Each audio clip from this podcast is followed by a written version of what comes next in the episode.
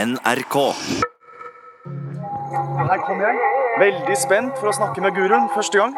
Dette er stemmen til Hans Christian Ostrø på reise i India i 1995. Her kommer jeg med bankende hjerte, usikker på om han vil akseptere meg. Så vær så god, følg med. Før Hans Christian Ostrø drar hjem til Norge, vil han en tur opp i Himalaya-fjellene.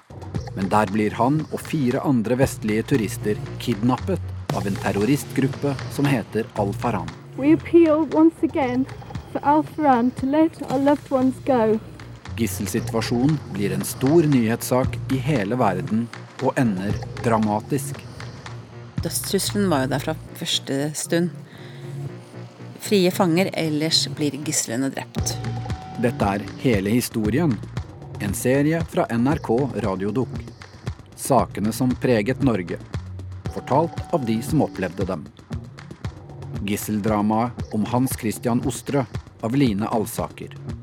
Del én av to.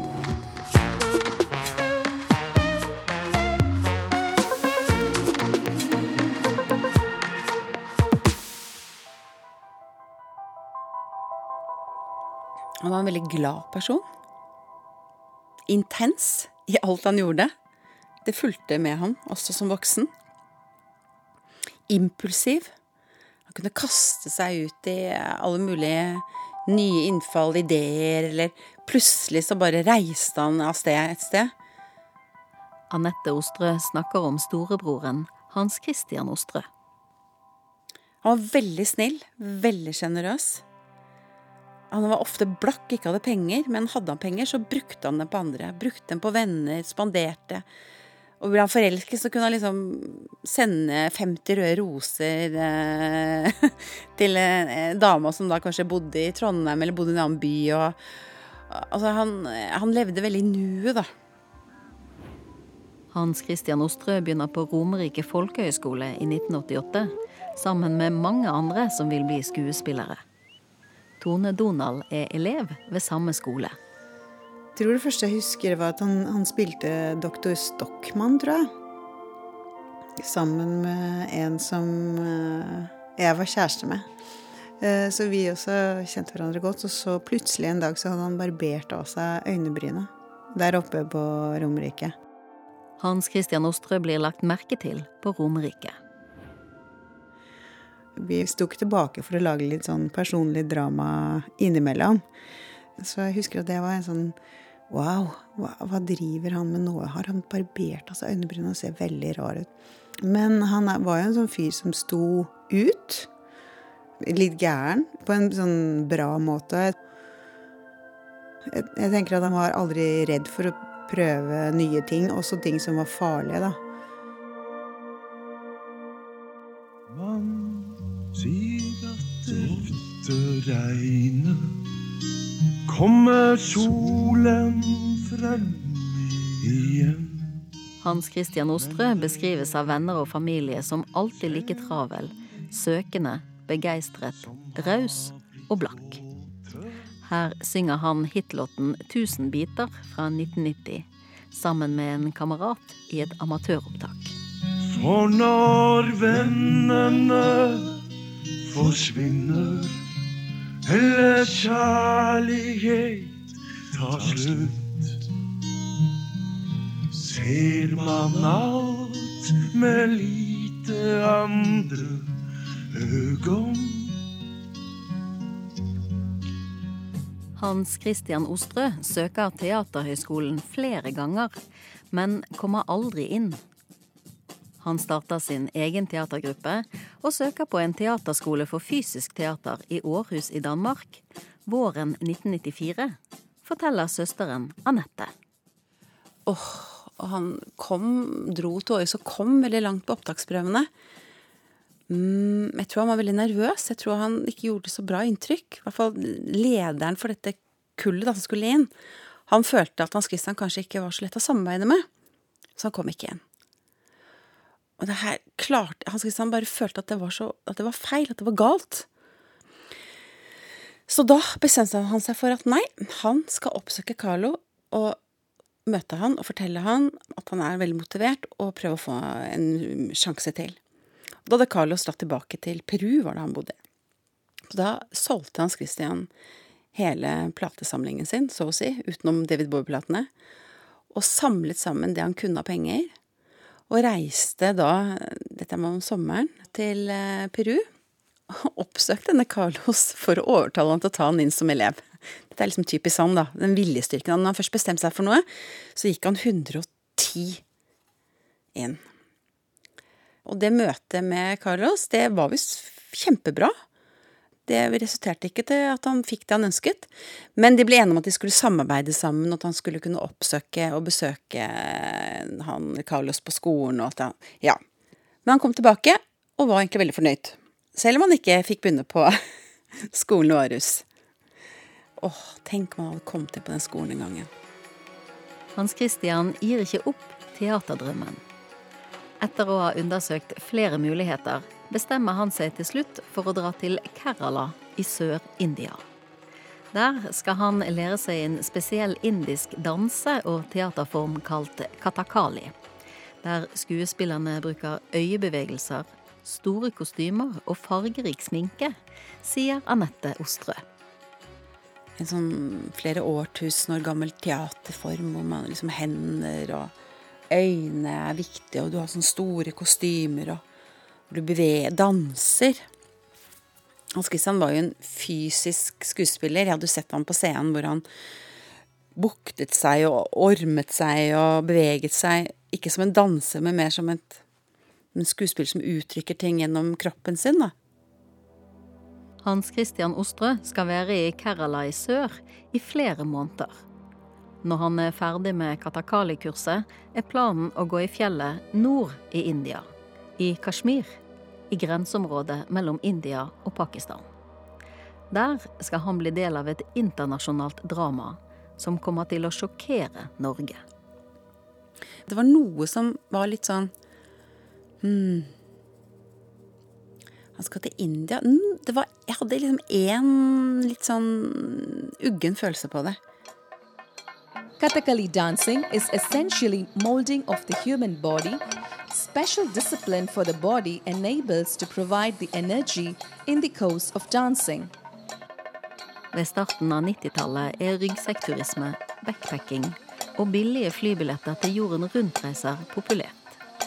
Mange vil til India og gå fotturer i fjellene i nord, i Kashmir, i Himalaya. Sjøl om Kashmir òg er oppholdssted for mange ulike geriljagrupper. Fridtjof Torkelsen er Norges chargé d'affaires, stedfortredende for ambassadøren, i India sommeren 1995. Det er noe av det vakreste i verden. Eh, Det er jo et eh, fjelland, og Srinagar, som er hovedstaden i indisk Kashmir, det er jo også pakistansk eh, Kashmir. Det er jo noe av det grunnlaget for konflikten som fortsatt pågår. Men Srinagar er et eh, litt sånn paradisisk område med et fantastisk klima, en stor innsjø hvor det er eh,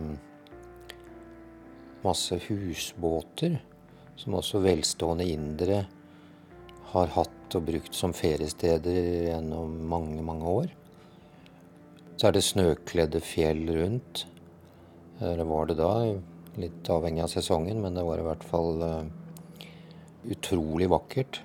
Og det var jo hele tiden mens vi var der, så var jo kontrasten mellom dette egentlig veldig fredelige, stille, vakre stedet og saken. Det var med et, det var et sånt paradoks.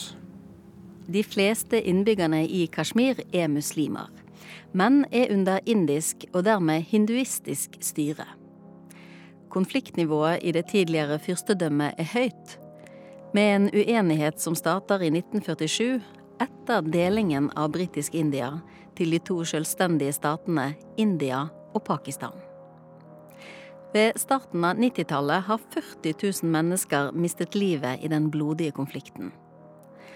Men problemene i Kashmir er lite kjent i Norge, og turister som Hans Christian Ostrø er ikke forberedt på at området kan være farlig å bevege seg rundt i, sier Fridtjof Torkelsen. Ja, det er både sperringer og det er eh, sånne sandsekkhauger hvor indiske militære har stillinger. Og det har jo vært eh, opp gjennom årene i hvert fall ukentlig trefninger. Det er jo flere opprørsgrupper eller grupper i Kashmir som uh, arbeider for selvstendighet for Kashmir, eller at det skal overføres til Pakistan. Kashmir har mellom ti og tolv forskjellige geriljagrupper som beveger seg rundt i ulike territorier. Og i 1995 sitter det flere pakistanske og kasjmirske geriljasoldater i indiske fengsler. De er tiltalt for å ha planlagt eller for å ha gjennomført terrorisme. Flere av geriljakrigerne skal ha hatt kontakt med den da nokså ukjente Osama bin Laden. For geriljagruppene er det et mål å få sine krigere ut av fengsel. En av metodene som blir brukt for å oppnå dette, er å kidnappe turister og presse indiske myndigheter til å utveksle fanger. Indiske myndigheter har ikke full kontroll. Og det var veldig mange angrep på indiske soldater og politi. Så indiske myndigheter hadde en veldig tøft regime på å stoppe ethvert forsøk på å bygge opp separatistbevegelser. Hans Christian Ostrø har allerede leid Black teater i Oslo til en forestilling han planlegger å ha til høsten. Manuset skal han jobbe med mens han er i India og lærer seg tradisjonelt katakali-teater. Og han gjør filmopptak. Ok. Hei, hei, hei. Velkommen til Sri Krishnapuram. Eh, det dere ser bak meg nå, det er Arimandriam. Det er huset som jeg eh, dette, er- dette, dette er veien jeg kom første gang jeg kom hit. Da kom jeg med ryggsekken gående langs denne stien. Hans Christian Ostrø står i bar overkropp og shorts, snakker direkte inn i kameraet og vinker seeren med seg frem til et hus som ligger like bortenfor. Nå er vi her. Foran Her kommer jeg. Veldig spent for å snakke med guruen første gang. Og nå skal vi gå inn til Harimandram. Her kommer jeg med bankende hjerte, usikker på om han vil akseptere meg. Så vær så god, følg med. Hans Christian sender kort og brev til venner og familie. Der forteller han hvordan han har det, med hardtrening og en fremmed kultur. Søsteren Anette sender godteri og oppmuntringer til India. Vi hadde brevveksling eh, hele perioden mens han var der. Jeg husker jeg sendte han noen sånn tyrkisk pepper og lakris og sånne ting, for det, det fikk du ikke tak i der. Eh, og dunderklumpen og sånne mm, salte godteri. Og han elsket det.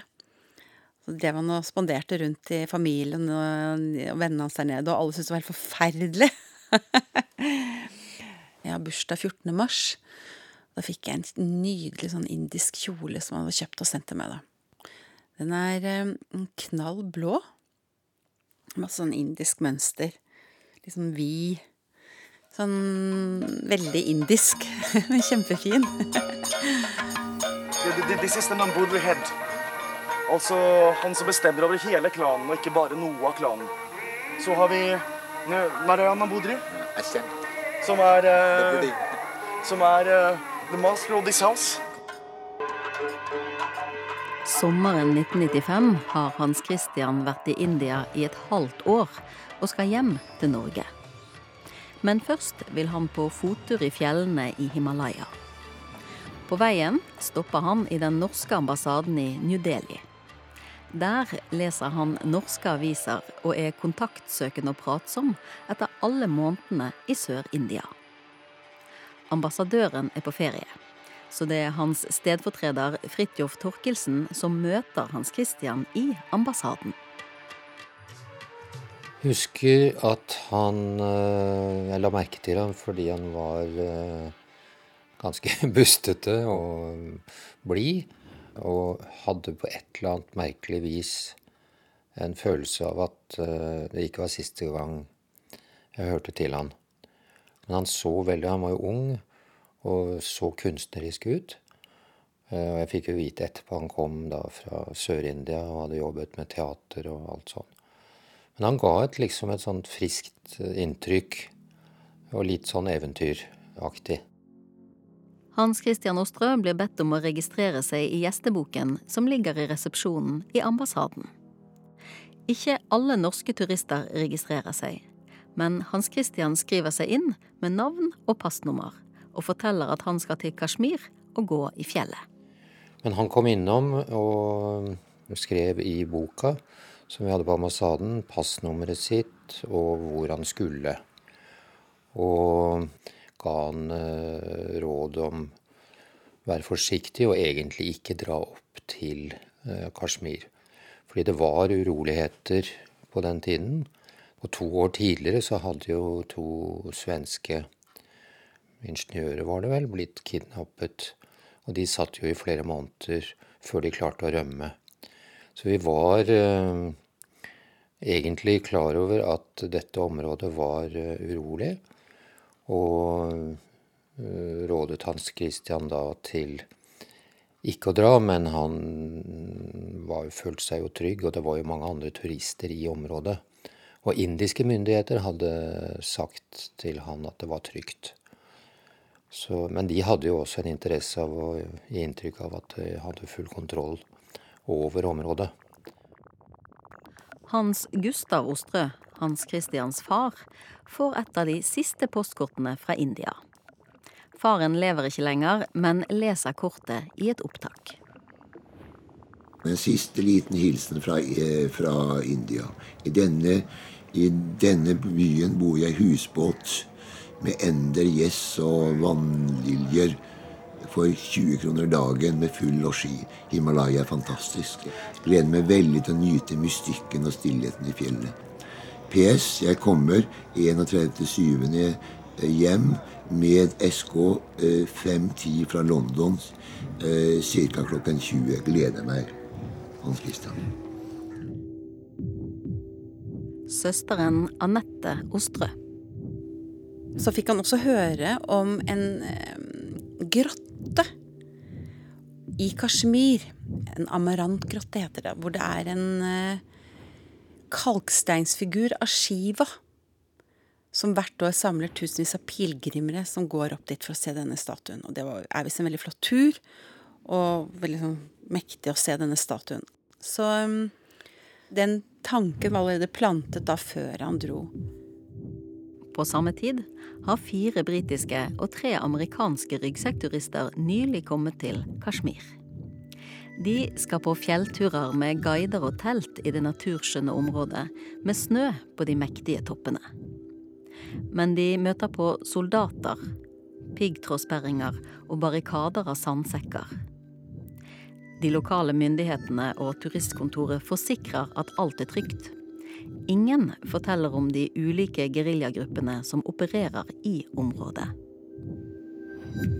Hans Christian Ostrø er foreløpig ikke kommet så langt. Han slapper av på husbåten Montana, der han har leid rom. Ved Dal Lake skriver han på teaterstykket han skal sette opp. Moren Marit Hesby. Vi fikk vite veldig mye da, hvordan han hadde, og skrøt av maten og alt det her. Men, men til slutt så skriver han da at jeg, jeg gleder meg Han begynte å glede seg til å komme hjem, da. Og da skriver han å, jeg gleder meg til å komme hjem og få en pizza. Hans Christian skal starte sin fjelltur om morgenen den 4. juli 1995, men rekker å sende et aller siste kort til Norge. Og så skriver han dette er det siste kortet fra meg. Han skriver ikke fra India. Han skriver her kommer det siste kortet fra meg. Og det var det. Så rart. Tidlig om kvelden 4. juli stopper turfølget med amerikanere og briter på en stor slette i fjellene i Kashmir. De skal overnatte og setter opp telt. Turistene er slitne av sterke inntrykk og de lange fotturene i flere tusen meters høyde. Anette Ostrø forteller.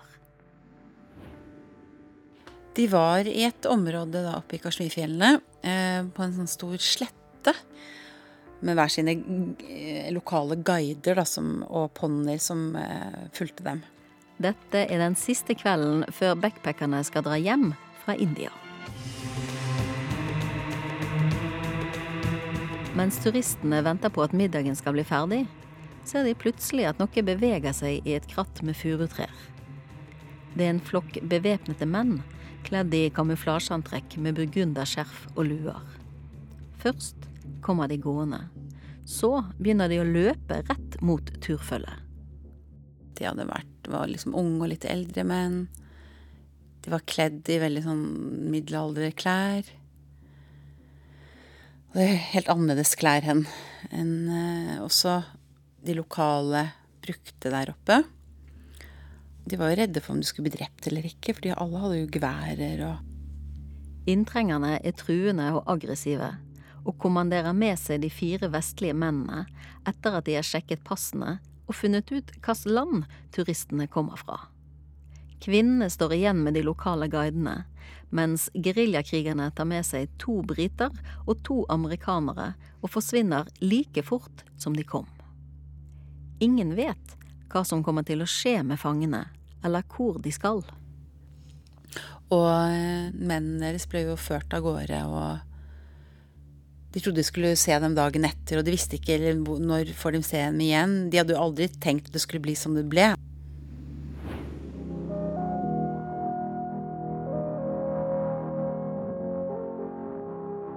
Hans Christian Ostrø pakker intetanende til fjellturen han har gledet seg til. Han lar en stor bag med ting han ikke trenger, ligge igjen i Shinagar, sier søsteren Anette. Startet vel å gå ordentlig på tur den 4. juli. Og så kom han til en landsby med et Sargibal, hvor han eh, slo opp telt og var noen dager. Der møtte han veldig hyggelige folk. Derfra gikk han med litt sånn dagsturer opp. Og så skulle han da gå, fortsette videre, for han skulle på denne pilegrimsturen opp denne Amarantgrotten. Og selve denne pilegrimsperioden var startet da. Da kom, kommer det tusenvis av hinduer da opp til Kashmir for å gå denne ruten opp denne Shivas-figuren. Hans Christian Ostrø går dagsturer i Kashmirfjellene og vet ikke at fire vestlige fanger blir ført rundt av kidnappere i samme område. I 1995 er det ingen telefoner, nyheter eller rykter som kan advare turister i fare. Natt til 8. juli, tre dager etter kidnappingen av de to britene og de to amerikanerne, skjer det noe som skal få fatale følger for Hans Christian Ostrø. Det ene amerikanske gisselet, John Childs, klarer å rømme, forteller Fridtjof Torkelsen. Han løp jo i 15 timer. Klarte å rømme på natten da. Barbeint. Og eh, ble funnet av et indisk helikopter som var på søk. Amerikanske John Childs har gjort noe uventet. Istedenfor å flykte den letteste veien, nedover mot bebyggelse, har han gått motsatt vei, oppover i fjellene midt på natten i 4000 meters høyde. Der klarer han å få gitt signal til et indisk militærhelikopter som er på søk.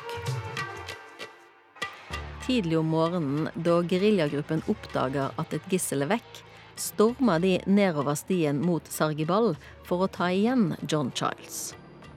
Det er dermed tilfeldig at de går rett på en annen vestlig turist, Hans Christian Ostrø. Søsteren Anette forteller det hun har fått høre fra lokale, som blir vitner til det som så skjer. De kom, en gruppe på 15-16 menn. Og så på veien så kom de da over Hans Christian. Og han var hvit. Og så derfor så prøvde de å fange ham. Men han kjempet. Han nektet. Så han eh, slo og sparket og gjorde masse motstand. Så de brukte flere timer på å ta ham. Han gjemte seg bak et hushjørne og virkelig eh, kjempet for å ikke bli tatt. Men eh, 16 mot 1 er vanskelig å overvinne i lengden. Så til slutt ble han bak, klubbet ned bakfra. Og bundet og tatt med seg. Da hadde de endevendt teltet hans og alle tingene hans, og de tok med seg passet hans. Og en ryggsekk med noen få eiendeler. Men ble slept motvillig i vei. Og landsbyboerne hadde jo bare gjemt seg. De var jo livredde. Dirk Hasart fra Tyskland blir òg tatt denne morgenen. Ostrø og Hasart blir ført til de tre andre gislene. Snart skal det komme trusler og krav fra kidnapperne. De er en geriljagruppe med ekstreme islamister som kaller seg for Al-Faran. Teltet og flere av Hans Christians eiendeler står igjen der han må forlate de. Så der var det en som Hans Christian hadde snakket mye med. Han samlet sammen tingene og teltet Hans Christian og dro ned til politistasjonen i Balgam og leverte inn og fortalte at han hadde blitt kidnappet.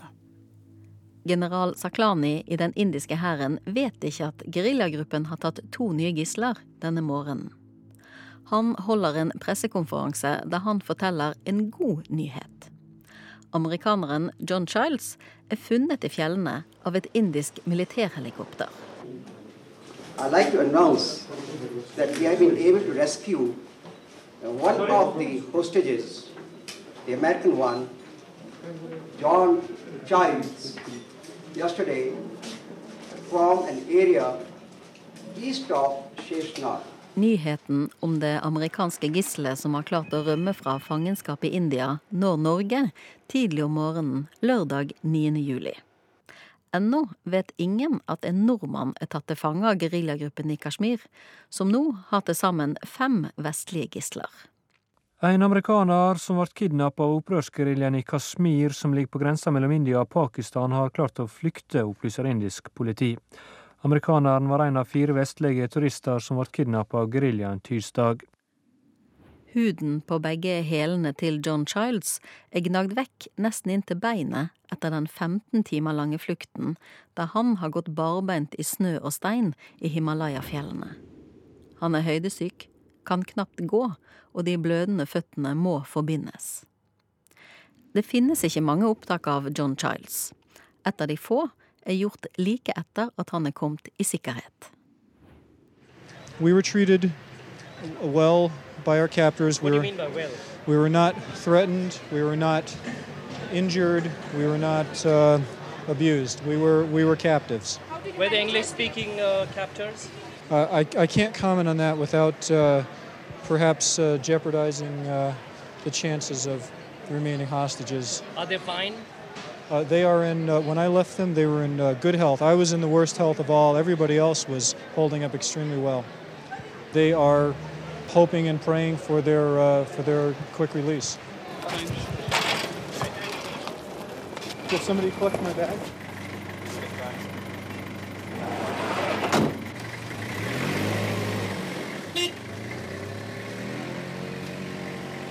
John Childs blir ikke lenge i India etter at han klarer å flykte. Childs får aldri vist hvor han tror de andre gislene blir holdt fanget, før han blir sendt hjem til USA.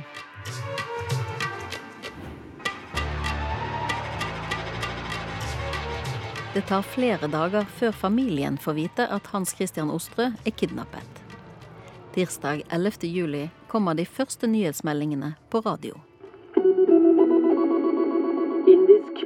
Melder at en norsk turist er savnet i Kashmir. Politiet frykter at turisten er bortført av en geriljagruppe som nylig har bortført en rekke utlendinger i Kashmir. Den norske ambassaden kan ikke bekrefte at den bortførte er en nordmann. Utenriksdepartementet advarer nordmenn mot å reise til Kashmir. Vi hørte på radioen hele dagen. Og vi hadde sommerferie og var på hytta på Nøtterøy. Moren til Hans Christian Ostrø, Marit Hesby, er på ferie på hytten på Nøtterøy. Sommeren 1995 har de verken mobil eller fasttelefon der. Marit hører på radioen at det er en nordmann som er tatt til fange i Kashmir. Oi, der er jo Hans Christian. Men tenk på alle de nordmennene som er i Kashmir, liksom. Jeg hadde ikke peiling. Altså, jeg er vant til at eh, ungdommen reiser mye rundt i verden. Og, og så sier jo mannen min da men ta ring, av, ring til UD. Nei, liksom Jeg er jo ikke hysterisk. Det, det er jo i hvert fall ikke han. Men så også utover dagen, hørte jeg på meldingen hele tiden, så sa jeg hvorfor kan de ikke si hvor gammel han er? For det er jo veldig ofte nordmenn i 30-årene eller 20-årene eller 50-årene. ja. Jeg syns det var så dumt at ikke de kunne si det, for da slapp jeg å tenke på det. Fridtjof Torkelsen er nestkommanderende ved den norske ambassaden i New Delhi. Han får beskjed fra ambassadesekretæren om at Hans Christian Ostrø er blitt kidnappet. Nei, han sa vel egentlig bare at uh, nå Fridtjof, nå har vi fått en sak. Jeg husker ikke detaljene, men det var egentlig at uh, vi så nok for oss allerede da at dette kunne være veldig alvorlig. For det viktigste da var å komme opp for å ivareta Hans Christians interesser og eller familien, da. Navnet til Hans Christian Ostrø er skrevet feil i papirene som kommer fra indiske myndigheter. Men passnummeret er identisk med det som står i gjesteboken i den norske ambassaden. Og det var nyttig i dette tilfellet, for der fikk vi registrert passnummeret hans, og det fikk vi egentlig overbrakt også fra indiske myndigheter gjennom papirer de hadde funnet i teltet. For navnet hans var feil, men eh, passnummeret var riktig. Så hadde ikke han registrert seg, så ville vi hatt mye større problemer med å finne ut hvem han var. Hans Gustav Ostrø, faren til Hans Christian, er den første i familien som får beskjed om kidnappingen. Han bor på Toten og blir oppringt i halv ni-tiden om kvelden. Foreldrene til Hans Christian er skilt, så Hans Gustav får ikke tak i Marit siden hun er på ferie uten telefon. Seinere samme kveld klarer han å finne frem til datteren Anette, som bor i Sverige med kjæresten. Denne kvelden har de lånt en leilighet. Så sier han Hei, det er pappa. Hei, liksom. Ja. UD har ringt meg. Hans Christian er blitt kidnappet.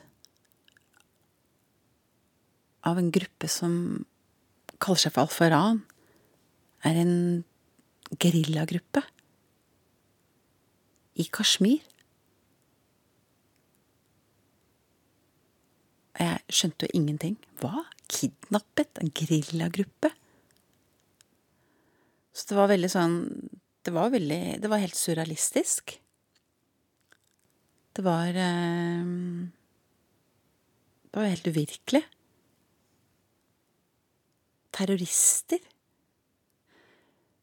Min referanse til terrorister var egentlig mest gjennom Ram Rambo-filmer. Altså Sylvester Stallone og Eller amerikanske actionfilmer hvor det var sånn som hadde en eller annen uh, plotline om uh, muslimske terrorister.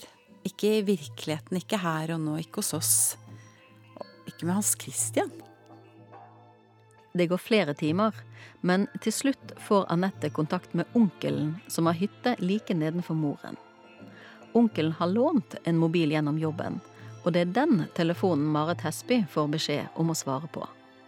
Klokken er blitt halv tolv natt til 12. juli. Og da klokka var halv tolv, så, så kommer du ut og sier 'Marit, du må komme med telefonen til deg'. Da skjønte jeg at det er Hans Christian. Det skjønte jeg. Når den der mobiltelefonen til broren min, som ikke var hans engang, når de ring, roper opp halv tolv om kvelden og sier 'Det er telefon til deg', da med en gang tok jeg det. Og da snakket jeg Og da var Anette, da. Man hadde fått tak i meg. Og så gikk det vel en time, og vi var jo liksom helt sånn Å, herligheten, noen er nede. Så banker det på hyttedøren. Der kommer det en kvinnelig politi. Og så sier jeg 'Jeg vet hvorfor du kommer'. Det er litt av en beskjed du har. Ja, sa hun. Men den kunne vært verre. Klokken to om natten, etter at familien har fått beskjed, blir navnet offentliggjort på radio. Navnet på nordmannen er Hans Christian Ostrø. Han er 27 år gammel og fra Oslo. Ostrø har vært i India siden 2. februar i går. Det opplyste ambassaderåd Tore Hattrem ved den norske ambassaden i New Delhi i India da jeg snakka med ham for ti minutter siden. Ambassadepersonellet gjør nå det de kan for å få Ostrø sett fri, og om noen timer reiser chargé d'affaires Fridtjof Torkelsen til byen Srinagar, der han vil samarbeide med andre vestlige diplomater. Kravet fra gisseltakerne er at de vil ha 21 fanger i indiske fengsler løslatt for å frigi Hans Christian Ostrø og de fire andre. Fristen er satt til midnatt 14. juli.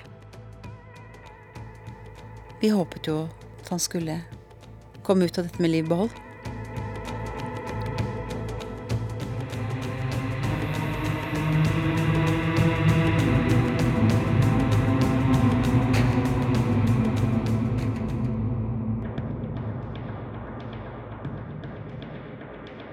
Du har hørt del én av to av gisseldrama om Hans Christian Ostre. Følg historien videre. To av de vestlige gislene skal altså ha blitt såret i dag tidlig da indiske regjeringsstyrker sporet opp geriljagruppen Al-Faran og skjøt mot dem. Så det ble jo en fryktelig natt. Vi visste ikke hva som skulle skje, vi hørte ingenting. Vi lurte på hva skjer nå. Vil, eh, blir de drept? Dokumentaren er laget av Line Alsaker. Teknisk regi Merete Antonsen. Konsulent det er jeg, Kjetil Saugestad. Research Heidi Magnussen fra NRKs researchsenter og Nick Best. Send oss gjerne en e-post på radiodok krøllalfa nrk.no.